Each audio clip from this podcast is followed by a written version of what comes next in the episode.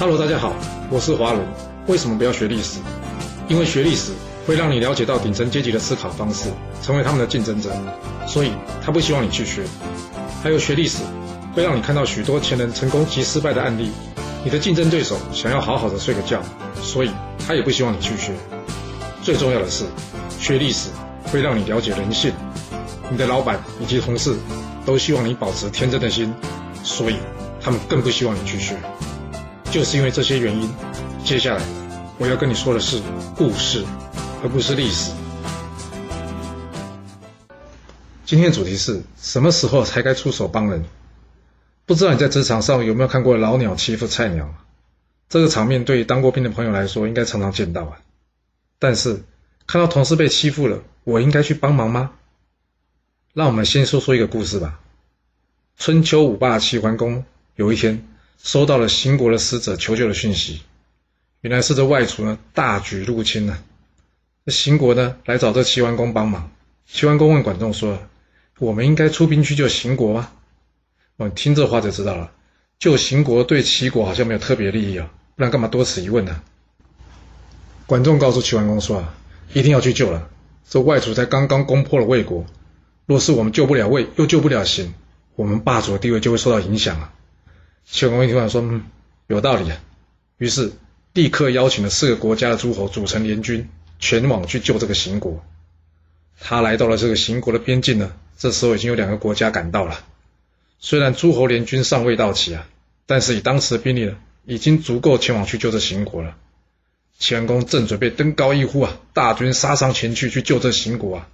这时候一旁的管仲却劝他说：“主公啊，我们等到联军全部到齐再发动攻击吧。”齐桓公听从了管仲的建议，但他私底下问管仲：“这怎么回事啊？我们不是来救秦国的吗？现在出兵难道有问题吗？”管仲告诉他：“这外族现在气势正旺啊，而且这秦国呢，目前还支撑得住。若是我们迎头去对上这气势正旺的外族，就算获胜，也势必死伤惨重啊。同时，由于秦国目前并没有被攻破的危机，对于我们现在出手成功救援秦国。”他们也不见得会真的感受到我们的重要性，更别说感激我们了。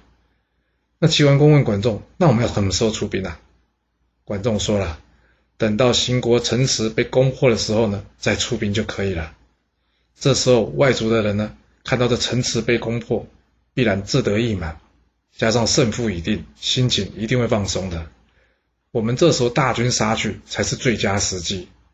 不但呢可以减少我们的伤亡，还可以获得最大的效益。”而秦国这边呢，由于城池被攻破，人民流亡，我们这时候出手相助，协助他们夺回城池，返回家园，他们也才会真正感觉到我们有帮助他们啊。齐桓公听完之后，觉得管仲的话有道理，于是就这样再等一等。哇，还等一等啊！这可怜的秦国啊，就在这绝望的边缘呢，拼死的撑着，一直等不到援军啊。最后城池被破，人民呢大量的逃亡。而齐国等联军看准了机会呢，这时候趁势而出啊，猛攻这外族，协助这秦国人民呢赶走外族，夺回自己的家园。这就是历史上非常有名的齐桓公存行就位，其中存行的那段故事。存行就是什么？保存秦国啊！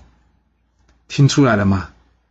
要是想要仰赖外援，你觉得人家什么时候会来救援你啊？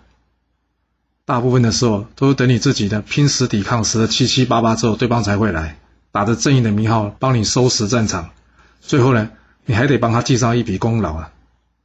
管仲没有说出来是，齐国就算出兵救行，也得保存自己的战力，尽可能让自己的军力损失最小化。其实国与国、商场或是职场不也一样吗？你希望别人不计损失的帮助你，若是真有这种想法。可能就是太天真了。若真的有人愿意张义相助，还是那句老话，遇到这种人，你真的得跟他交往一辈子，或是要赶紧去感谢神明了。因为通常对方肯出手，一定是有他的好处了，不论是民生还是实际上利益。你要么提前告诉他救你的好处，或是不救你的坏处。若是完全没有好处或是坏处，你就得要有心理打算了，对方是不会提供任何协助的，或是你得自己面对这一切。直到你战到最后一兵一卒为止，你的援军才有可能会赶来，甚至永远不会出现。你看企业之间彼此吞并的故事，哪一个不是趁你生病要你性命啊？讲好听是提供你资金或是协助，但是更多的是掠夺你的市场或是公司资源。